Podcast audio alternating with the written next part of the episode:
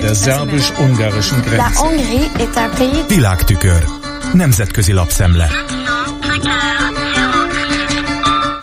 Köszöntöm a hallgatókat. Rendkívül fontos lenne, hogy az Európai Bizottság ne elégedjen meg pusztán kozmetikai változtatásokkal Magyarországon, amelyek mellett a miniszterelnök fenntarthatja korrupt kliensrendszerét. Ennek a véleményének ad hangot Zgut Psibilska Edit magyar politológus, a Lengyel Tudományos Akadémia kutatója, az Amnesty International Nemzetközi Emberi Jogi Szervezet magyarországi alelnöke, a SME című szlovák lapnak adott nyilatkozatában.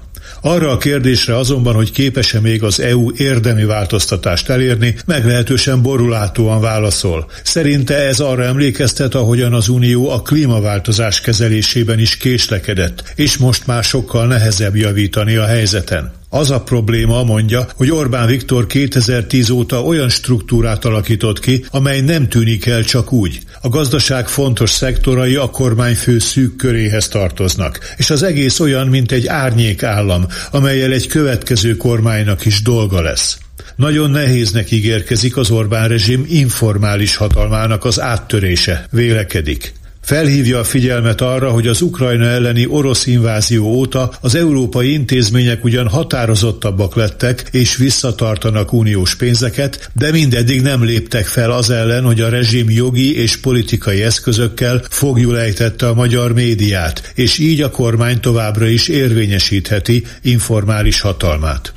Zgut Psibilska az interjúban kifejti. Az országban sokan látják ugyan, hogy visszaszorul a demokrácia, mégis támogatják Orbánt, mert hasznot húzhatnak lojalitásukból. Azt is kiemeli, hogy a kormány populista módon osztja újra a javakat. Azokból a keresztény házasságban élő heteroszexuális, sokgyerekes párok jobban részesülnek ebben a végletesen polarizált társadalomban, és diszkrimináció éri a gyermeküket, egyedülnevelő szülőket, a homoszexuális vagy a házasság nélkül együtt élő párokat, illetve a gyermekteleneket. Ami számít az embereknek, kapok-e olcsó hitelt, adókönnyítést, olcsó lesz-e a gáz, megvéde a kormány a háború hatásaitól. Orbán fő üzenete, hogy az ellenzék meg akarja ölni a gyermekeidet. Mindenkit az ukrajnai frontra akarnak küldeni, és ez a félelemkeltés működik.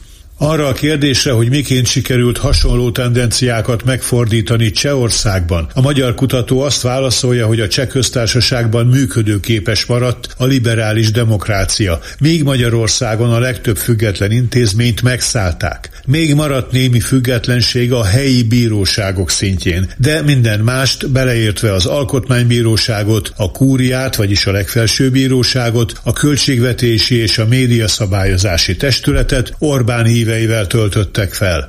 A miniszterelnök üzleti szövetségesei egymás után szerezték meg a lapokat, tévé és rádióállomásokat. Az Európai Bizottság mindezt jól látta, és már régen igénybe kellett volna vennie a rendelkezésére álló jogi és politikai eszközöket, de nem tette.